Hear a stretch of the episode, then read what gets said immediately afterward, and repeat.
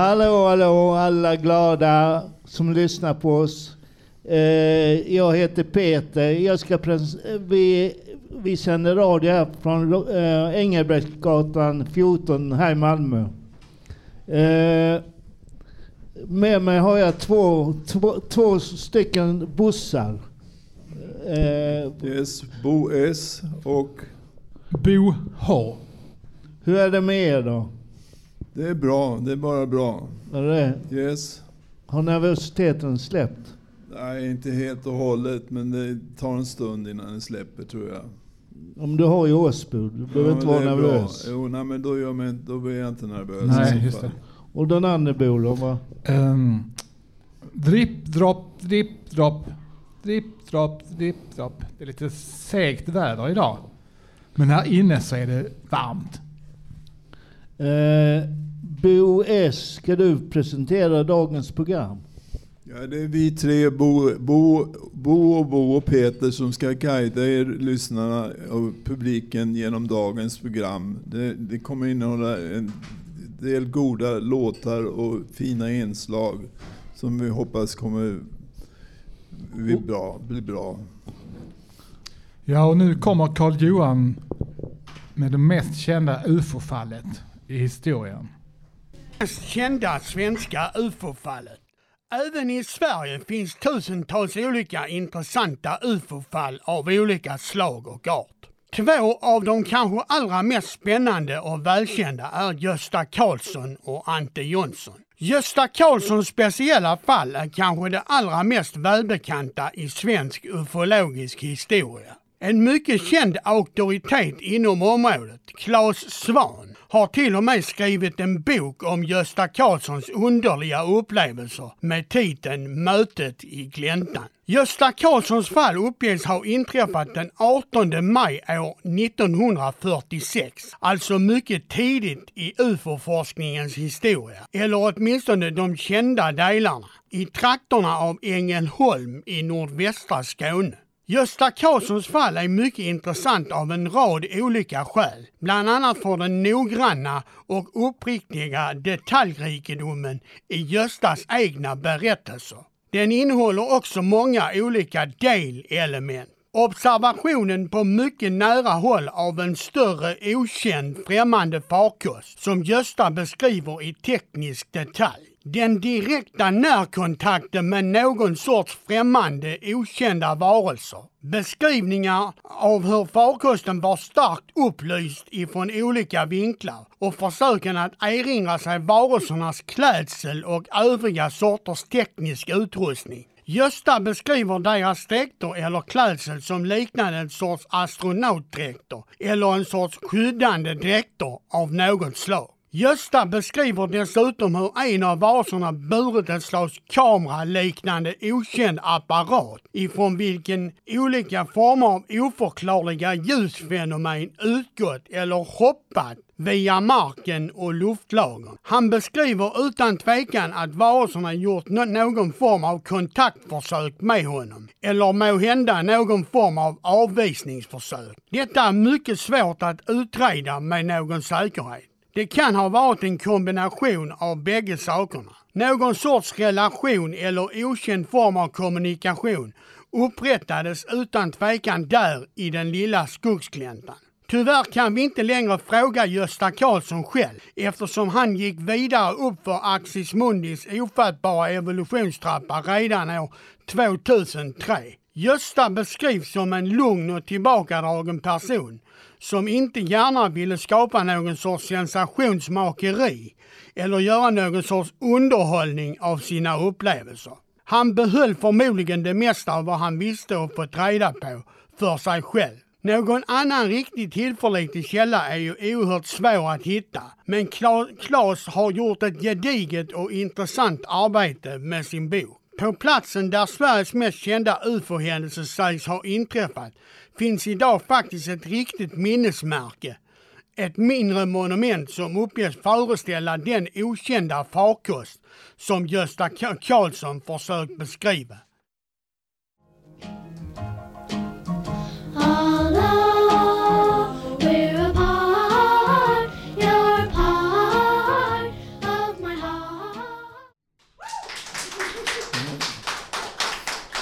Tack. Det var Tonight You Belong To Me and med Patience and Prudence önskad av Johanna. Eh, från det ena till det andra. Eh, bussarna, tror ni på UFO? Nej, jag, jag tror inte så mycket på UFO. Tyvärr måste jag säga. Det är inte så roligt kanske. Men det gör jag inte. Men du tro, tror på tefat eller? Nej, inget sånt.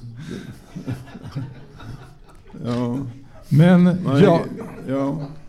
jag tror på ufon, men de har varit där för så länge sedan. Så de har koloniserat den här planeten. De har stuckit igen. Och så hör man inte av dem något mer överhuvudtaget. Men finns det, alltså, finns det bevis att det finns? Det, forskare i det ämnet tycker väl att det gör det. Va? Men, men jag tror inte det finns något Men är det någon för mänsklig varelse som har sett något UFO? Tror du det? Jag tror det är många som har, säger sig ha sett det, men jag tror inte det är så många som verkligen har sett det. De bara hittar på kanske? De bara hittar på, ja. Jaha. Bara för vår publicitet? Ja, kanske är det något annat eh, behov de har. Ja, ja. Eller kanske göra någon film om ufos. Eller, eller sån här Avatar. Jaha. Ja. Ja, nu ska vi, nu ska vi gå till... Jaha, nu ska vi gå till BOH. Ja, nu kommer Jörgens historia om flugor, del 1. Inslaget som följer är skrivet och inläst av Jörgen och redigerat och producerat av mig, Jenny. Den är baserad på verkliga händelser och känsliga lyssnare varnas. Det börjar på ett larvigt sätt. Jag har en fluga som heter Flugo. Jag växte upp i svalget på Lennart Åström, 68 år. Han var brutalt mördad i sitt rum på Paradisets vårdhem. Mitt barndomshem var ett varmt, ett smakligt inrett hem med vackra bryggor tillverkade av porslin. Dessa bildade en varm inramning och den mjuka tungan var som den största sängen någonsin legat i. Min mammas första val av bostad var väl genomtänkt. Då hade hon 129 syskon som låg prydligt uppradade på tungan i form av larver. Jag kan än idag minnas värmen. Den gemenskap, tryggheten och inte minst den underbara syrliga doften av total förruttnelse. Tiden gick. En vacker och en likgiltig dag kände jag hur det värkte i hela kroppen. En stark känsla av frigörelse från mitt tidigare tillstånd som larv uppstod. Där stod jag nu som en vacker och reslig, fullt utvecklad fluga. Framtiden låg framför mig, samtidigt som det innebar ett ansvar och en viss del planering inför framtiden. Stolt efter en skakig klättring från munnen, där målet var näsan som kunde fungera som en ramp för min första flygtur. Vingarna ger ifrån sig ett svagt skimmer av violett färg samtidigt som de breder ut sig till en mäktig silhuett. Känner en droppe svett lämna min panna för att väcka uppmärksamhet på allvaret i nästa steg som är att starta min jungfru Flygtur. Man har hört om hur flugor slängt sig hutlöst ut från höjder bra mycket högre än min avsats, det vill säga Lennart Åströms näsa. Detta har ofta slutat med döden. Vissa flugor har överlevt med flertalet benbrott samt vingar som inte kommer att fungera resterande dagar i flugans liv. Ett framtida liv med flugassistans dygnets alla timmar. Tragiskt. Nu var det dags. Jag svalde ett par gånger och samlade till mig mod. Jag tog sats. Jag slängde mig ut från Lennarts näsa. Jag kände min tyngdlösa kropp störta mot horisonten samtidigt som ett galet tryck tog tag i mina vingar. Och med en förvånad blick, ja likt en förvirrad abborre, så inföll sig en känsla av eufori. En av de mäktigaste dagarna i mitt insektsliv. Pappa hade varit stolt om han hade sett mig nu, tänkte jag nöjt. Jag hade frågat min mamma vid ett flertal tillfällen vem som var min biologiska pappa. Alltid samma svar. Spelar det någon roll? var det svar som jag fick gång på gång. När jag läste mellan raderna så förstod jag att han var en riktig flugskit. Som hade en fluginna i varje flughamn, eller ska vi säga flugfamn. En riktig charmör. Som så många andra pappor tänkte jag. Not my cup of fly tea. Jag stod på den övre delen av min livstrappa. Jag hade precis avslutat mina studier. Tre månader av slit, tårar samt sömnlösa nätter. Nu var det gjort. Jag, Flugo, nu utbildad rättsläkare med rätt att obducera döda. Nu kunde jag tillbringa dagarna med mitt favoritämne, lik. Mitt barndomshem var som bekant Lennart Åströms munhåla, där jag hade tillbringat större delen av min uppväxt. Därav mitt intresse. Måndag morgon, kaffe och en portion mögelost. På väg till min första arbetsplats, bårhuset i Flugstad. Min arbetsbeskrivning löd enligt följande. Assistent till doktor Winge samt behjälplig till polisens mordenhet. Jag visste att det skulle bli en lång dag. Mina förväntningar var flyghöga. Snart ska jag få känna den underbara, syrliga doften av genuin förruttelse. Doktor Winge, min mentor, var en äldre fluga. Hans klädval var som hämtad från en tv-serie från 70-talet. Som tur var dolde den vita rocken merparten av Dr. Winges smaklösa klädval. Mina första uppgifter var att diska och sprita skalpeller och övrig utrustning. Så var det nog för oss nyinflugna. Börja om från början. Väl hemma i min nyanskaffade lägenhet som var en vindsvåning i Flugstad rådhus. Jag fick den genom mammas bror, borgmästaren F. Ö. Ruttelsen. Den enda i vår familj som hade en högskoleutbildning var jag. Mamma grät av stolthet i cirka tre minuter när jag tog min examen. De flesta av mina syskon var missbrukare, socialt missanpassade flugor med en förkärlek från att undra, tog i sig så mycket som möjligt och förruttelse. Ett tragiskt beteende som ofta ledde till överkonsumtion, högt blodtryck och i vissa fall diabetes. Med andra ord, döden. Av mina 129 syskon levde bara två stycken. Ett otroligt bortfall. Samtidigt normalt med tanke på hur människans relation till flugsläktet. När en lunchgäst har en fluga flygande cirklar runt ansikten i ett försök att landa på dennes läppar med avsikt att inta en sista måltid av bruna bönor. Detta slutar till 98 procent med en säker död. I många fall en våldsam död. Nu måste jag avsluta. Mordroten behöver mina tjänster. Skriver snart igen. Er flugor.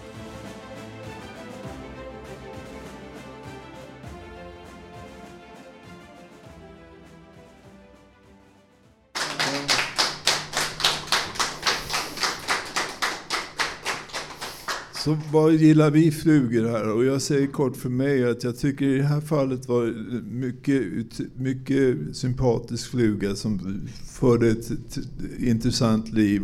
Vilket kan jämföras med, med, med Jörgens eget kanske. Ja. ja, det var vad jag tycker om saken. Men det finns inget bättre än att smälla en fluga med en flugsmällare. Och att den inte kommer undan. För de ska inte vara i, bland jordgubbarna eller sellerin eller vad man nu äter för någonting. De ska hålla sig ute, borta från husen. Men vad gör de om, om du har en fluga i lägenheten? Vad gör du med den? Jag jagar den med en flugsmällare. Så du dödar den? Eller så öppnar jag fönstret och viftar med handdukar så att den fattar att den ska komma ut den vägen. Jaha. Men så undrar vi var kommer flugor ifrån också? Det, det, det, var, var kommer flugor ifrån? I fallet någon dör i en lägenhet och det, det skulle passa en fluga väl att äta upp det då va? Men eh, var, hur kommer de in i lägenheten för det första? Ja, det är en jättebra fråga. Mm. Ja, jag vet inte riktigt. Någon nämnde i, i, Avloppet. Av, eh, ventilationen också. Ja, ventilation. Avloppet med kanske. Ja. Ja. Ja, det- Fluga det är också en sån här som hula hoop-ringar och sådär. Det var en fluga. De är, Ja. pop, de är populära ett visst tag och sen så kommer någonting annat som är populärt.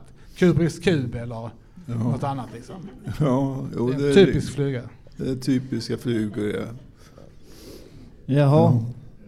Är, är, vi, är vi flygfria nu då eller? Ja. Vi är flygfria. Flyg, Ja, flyg, Eh, flyg. då ska jag presentera nästa inslag. Och det är Ulrika som möter Dalai Lama. Jag har varit buddhist sedan födseln, något som jag bara vet och känner djupt inom mig. Jag följer den tibetanska buddhismen där hans helighet Dalai Lama den 14 är spirituell ledare och jag har träffat Dalai Lama fem gånger. Men en gång var väldigt speciell och omvälvande. I flera år hade jag haft en dröm där jag stod som en munk i röda kläder vid en kristallklar flod där en fisk hoppade upp och ner i vattnet. Solen sken och glittrade varje gång i drömmen och floden var omsluten av höga berg. Samma scenario upprepade sig i drömmen varje natt och jag ville gå runt bergen för att se vad som fanns på andra sidan. Men varje natt precis när jag skulle se vad som fanns på andra sidan vaknade jag. Denna dröm upprepades många gånger under flera år. Men för tio år sedan bjöd min vän Svetlana från Tyskland mig på en veckas undervisning med hans helighet Dalai Lama. Min rotlärare inom buddhismen och vän till Dalai Lama, Laka Lama Rinpoche, visste att jag ville träffa Dalai Lama. Och innan jag åkte ner till Berlin berättade han för mig på vilket hotell Dalai Lama bodde på under hans undervisning. Endast ett fåtal visste om var Dalai Lama skulle bo, så jag var väldigt tacksam att min lärare Laka Lama berättade för mig. Dalai Lamas undervisning pågick i sju dagar och det var underbart att lyssna på honom tillsammans med 10 000 andra människor. Andra dagen lyckades jag till och med få hans undervisningsbok signerad av honom. Den näst sista dagen bestämde jag och min vän Svetlana oss för att bege oss till hotellet där Dalai Lama bodde. När vi kom dit var det en röd matta utrullad och längs den stod ett tjugotal tibetaner och väntade på deras käraste landsmän och lärare Dalai Lama. Vi ställde oss i slutet av mattan och efter några minuter såg vi hur Dalai Lama kom leendes och bugandes mot den första tibetanen som stod och väntade på att bli välsignad. När jag såg detta började jag att be att Dalai Lama ej skulle glömma mig och välsigna mig och jag bugade i vördnad. Då helt plötsligt knuffade min vän Svetlana till mig i sidan och sa Ulrika, Dalai Lama kommer direkt emot dig. När jag tittade upp stod Dalai Lama framför mig. Han satte sin panna mot min och plötsligt var vi båda tillbaka i min dröm. Men denna gång stod vi båda framför den gnistrande floden och den hoppade fisken. Denna gång tog hans helighet Dalai Lama min hand och förde mig runt krönet som jag hade försökt att gå runt tidigare i min dröm i flera år. Och där stod vi plötsligt framför Potala i Tibet, det vill säga Dalai Lamas hem och tempel i huvudstaden Lhasa i Tibet. Han berättade för mig att i mitt förra liv var jag en av hans närmsta munkar och jag hade tagit ett löfte att rensa all min karma i nästa liv, det vill säga detta liv, och ta på mig allt lidande som fanns att ta på sig. Plötsligt var vi tillbaka i nuet igen och jag tittade in i Dalai Lamas ögon som log av kärlek och medkänsla. Han välsignade mig igen och rörde vid mina händer och så gick han bort mot bilen som stod och väntade på honom. Jag har aldrig känt mig så fridfull och full av kärlek i hela mitt liv. Och medan tårarna av lycka rann ner för mina kinder sa jag till min vän Svetlana att om jag dog nu hade jag dött lyckligast i världen och jag aldrig mer ville tvätta mina händer igen.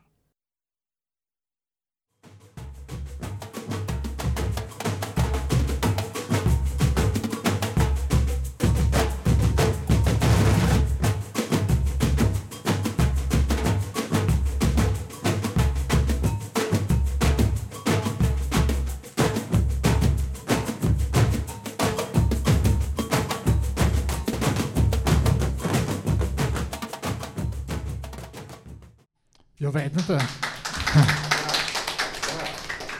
Jag läser vad det står men eh, ni får ju tolka det hur ni vill liksom. Det ni lyssnade på var Rumpan med Yukambe önskad av Nathalie. Dalai Lama. Att de hade samma vision båda två. Hur sjukt är inte det liksom? Ja, det, tyckte, det var lite mystiskt det, i mötet med och hade samma dröm och sådär. Men det, det var ändå hemskt intressant. Och alltihop var mycket intressant tycker jag. Det, det, det förgyller tillvaron för oss andra som inte är buddister också. Men det är så, den enda jag läst som man tänkte herregud liksom, vad är det hon pratar om? Det var Shirley MacLaine ut på yttersta grenen. Det var andar och det var allt möjligt som hon hade upplevt. Och hon hade legat i en, i en bassäng och känt att hon lyfte från bassängen upp i himlen. Och så fanns det en, en tråd av silver som var mellan hennes kropp och hennes kropp nere på jorden. Och då tänkte jag, det är ju inte konstigt att hon inte pratat om det här innan liksom. Men är det en saga eller? Nej, det är på riktigt. Jaha.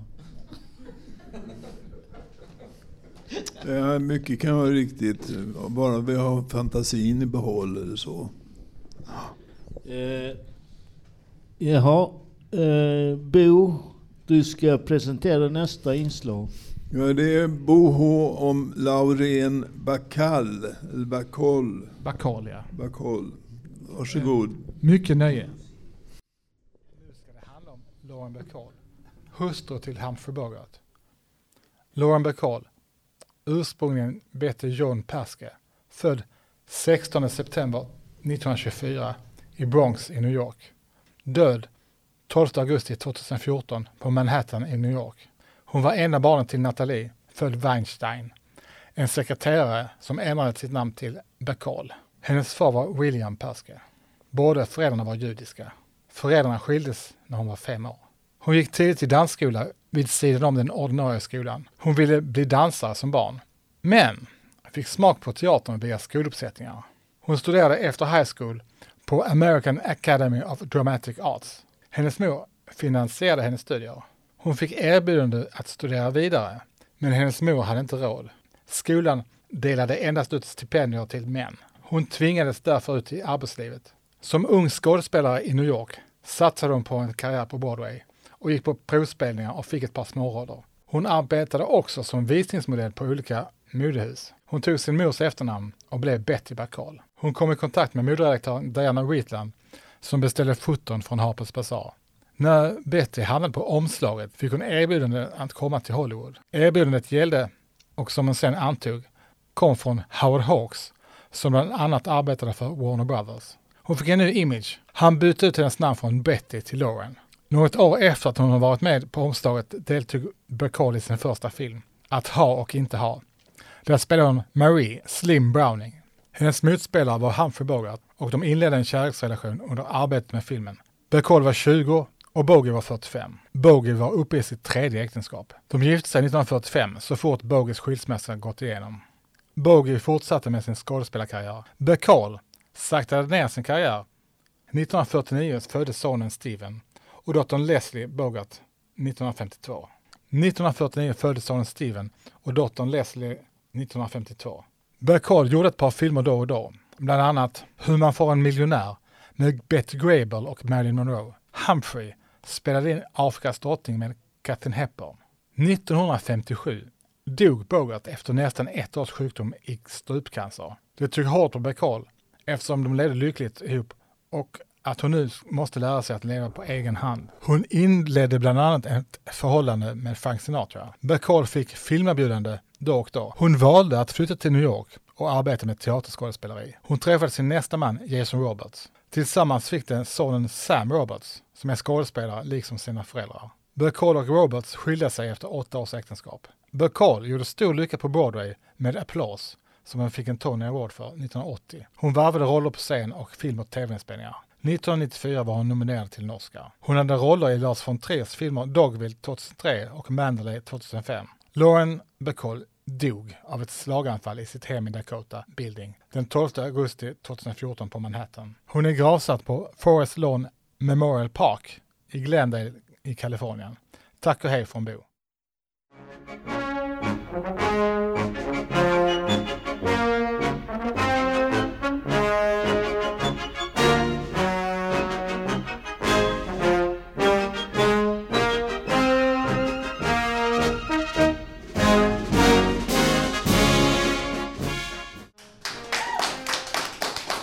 Eh, ja, välkomna tillbaka. Det var flottans sjömansskola marsch med US Navy Band. Önskar och Lars. Jag, jag trodde inte den skulle, aldrig skulle ta slut. den var så Det kunde lång. fortsatt längre tycker jag. Ja. Men eh, jag är ju filmnörd. Vet ni vem Lau- Lauren Bacall var? Ja, Jag är osäker på det. Jag, jag inbillar mig att jag kanske vet, va? men det är så länge sedan jag såg det på TV. Det var när jag var liten. Okej. Ja. Ja, jag har sett någon film med henne. Ja, men hon, hon var en cool kvinna. Bland annat när hon skulle filma med Bo- Bogart för första gången. Hon var 19 när han var lite, en del äldre. Så märkte han att om, om hon höll ner hakan så darrade hon inte på hakan när hon pratade med honom och sådär. För så, så hon gick runt så och tittade på folk underifrån. Så, så, så blev det liksom, ah, the look! Som Roxette då. Fast, fast med Lauren Bacall. Så när hon skulle filma så fotas så, så hade hon alltid hakan nedåt. För hon, så fick hon en, en, en sorts en blick. Som kom direkt ut ur tv-bilagan eller vad det var för någonting. Mm. Hon var rödhårig också. Det låter bra. Är de hetsigt temperament eller? Alla rödhåriga har- har jag fått höra att de är. Ja, Du får fråga Bo H i så fall. Jag vet inte. Ja. Ja, nu vinkar de. Då. Alltså, Okej, då går vi till nästa. Ja. Det Bo, Bo, jag och Mirre faktiskt som kommer intervjua varandra. Varsågod Bo och Mirre. Hur ofta kommer vi till fontänhuset? Svar Bo, tre till fyra gånger i veckan. Svar Mirre 3-4 gånger i veckan. Fråga varför kallas ni som ni gör? Jag är döpt till Bo. Svar Mirre därför jag kallas Mirre efter namnet Mirban. Fråga, när kom vi till första gången till fontänhuset? Svar Bo, år 2000. Svar Mirre 2011. Vad gör ni helst på huset? Bo, klippa, rita, att vara journalist för tidning och radio. Svar Mirre. Klippa, rita och göra inslag till radion. Vad gör du på fritiden? Svar Bo, ser på TV, sitter vid datorn, sover, äter och vilar. Svar Mirre. Tittar på tv och vilar. Hur trivs du på fontänhuset? Bo, bra. Mirre. Jättebra. Tack, Tack. för oss, Tack för oss, Bo och Mirre. Bo och Mirre.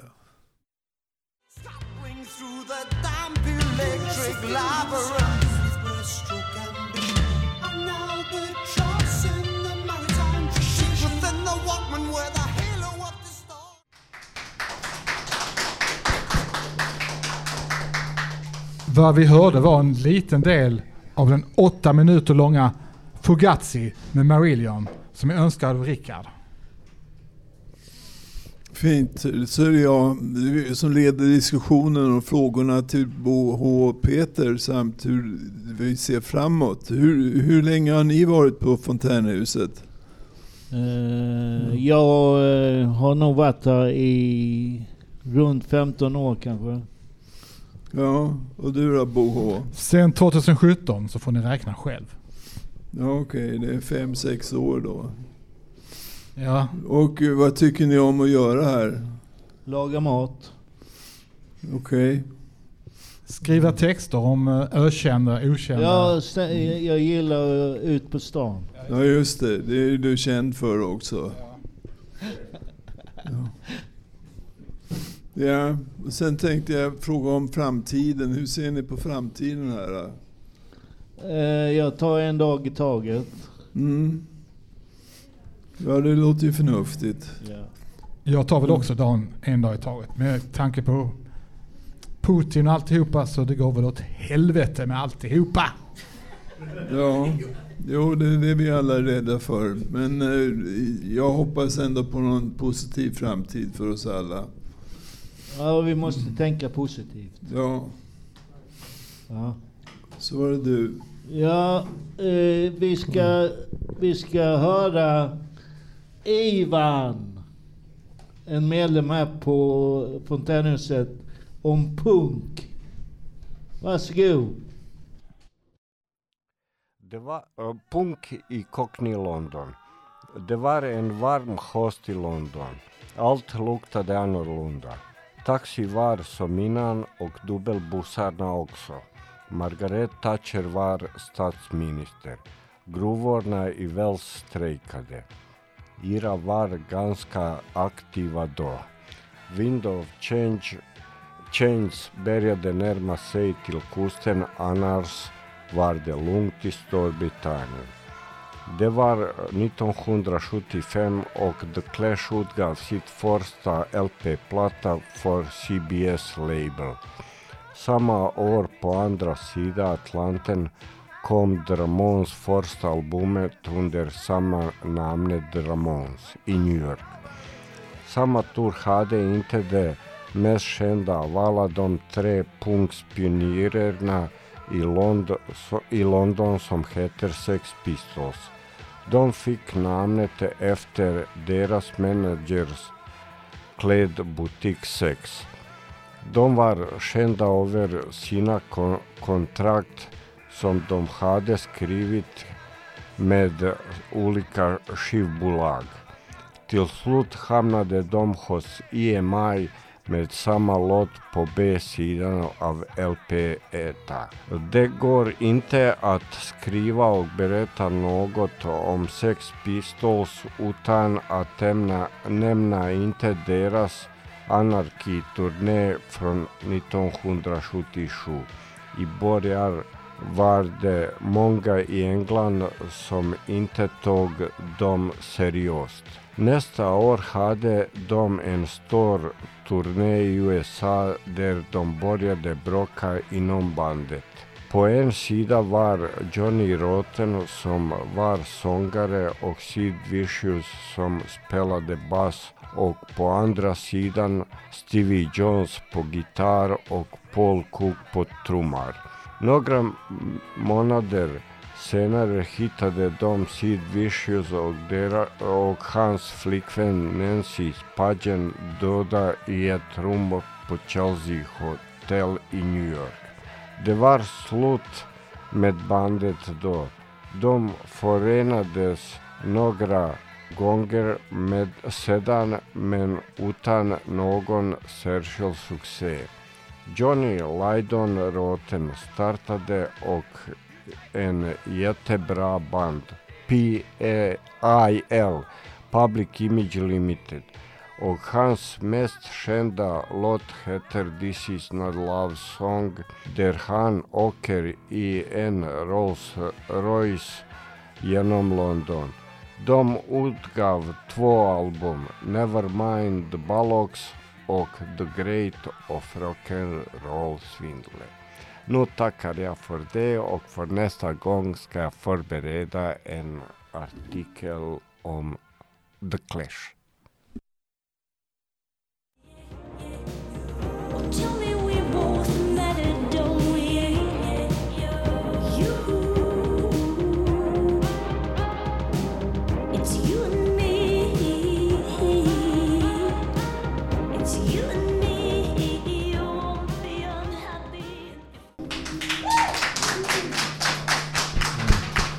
Ni hörde, ni, ni hörde Running Up That Hill med Kate Bush. Önskad av Ulrika. Eh, Ja, Ja, från, det, från Kate Bush till punk. Det är väl inte så långt eller? Eh, gillar ni punk? Jag gillar det på att det är en fri musikstil. Så mycket mer kan jag inte kommentera för jag har inte hört dem så hemskt mycket i alla fall. Det enda jag hört är God Shave the Queen liksom. Men är det en punklåt? God Save the Queen, ja. She Eller? ain't no human being. Jaha. Ja, ja. Hon är död också. ja. Bo, du ska... Det är jag då va. Nästa inslag är Angel, Angela om människans lika värde. På låten We are the world med jättemånga artister, bland annat Lionel Richie. Varsågod.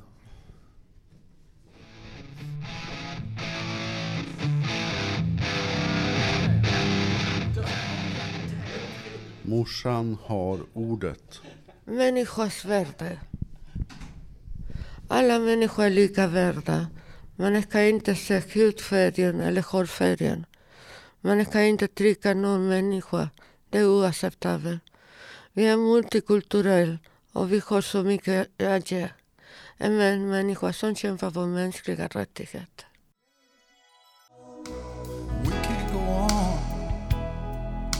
Pretending day by day that someone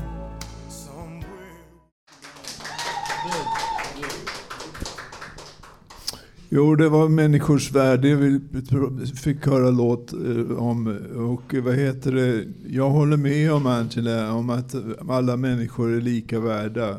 Och det är jätteviktigt i alla sammanhang. Ja, Ja, vad säger du? jag säger inget mer just. Ja. Nej, jag tycker att man ska respektera alla människor. Alla människor är likadant värda. Ja. Ja, visst. Det är vi nog alla överens om. Ja. Men det är lite så, så man blivit eh, behandlad när man var liten och sådär. Det, det sitter kvar. Eller kanske det är en, en eller två händelser som man...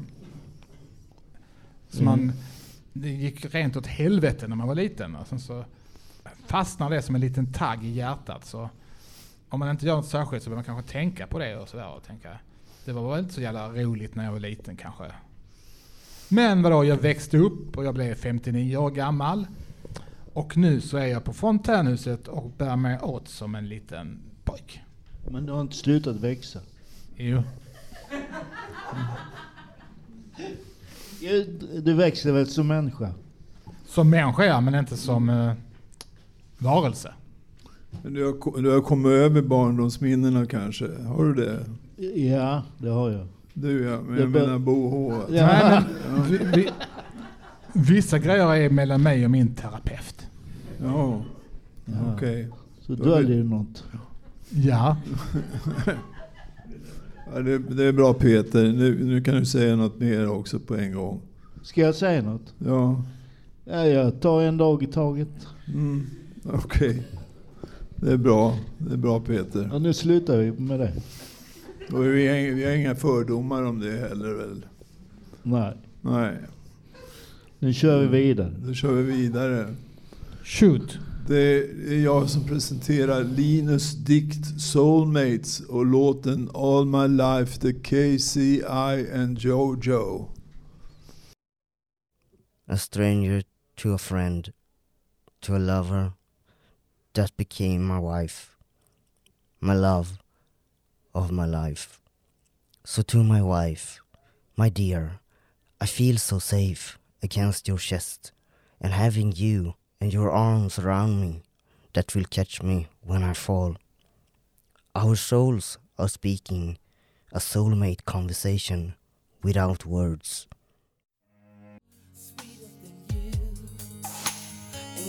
Never find another lover more precious than you, more precious than you, the girl you are. Close to me, you're like my mother. Close to me, you're like my father. Close to me, you're like my sister. Close to me, you're like my brother. Okidoki. Då börjar vi närma oss slutet på det här programmet och med att tacka alla som gjort inslag och önskat låtar. Tack alla som har lyssnat också. Tack så mycket.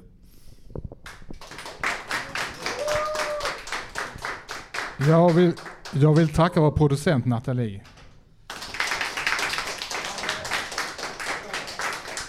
Eh, och jag vill tacka alla te- eh, teknikerna, Alex, Richard, Ulrika och Robert. Och sen får vi inte glömma oss. Jag tackar Bo H och du tackar Eh, Bo S. Och jag tackar Peter. Peter. Ja. Tack. Och nu, nu kommer den sista uppiggande låten. Nothing compares to you with Sinead O'Connor, önskad av Janne. Tack så mycket. Tack så mycket. Tack.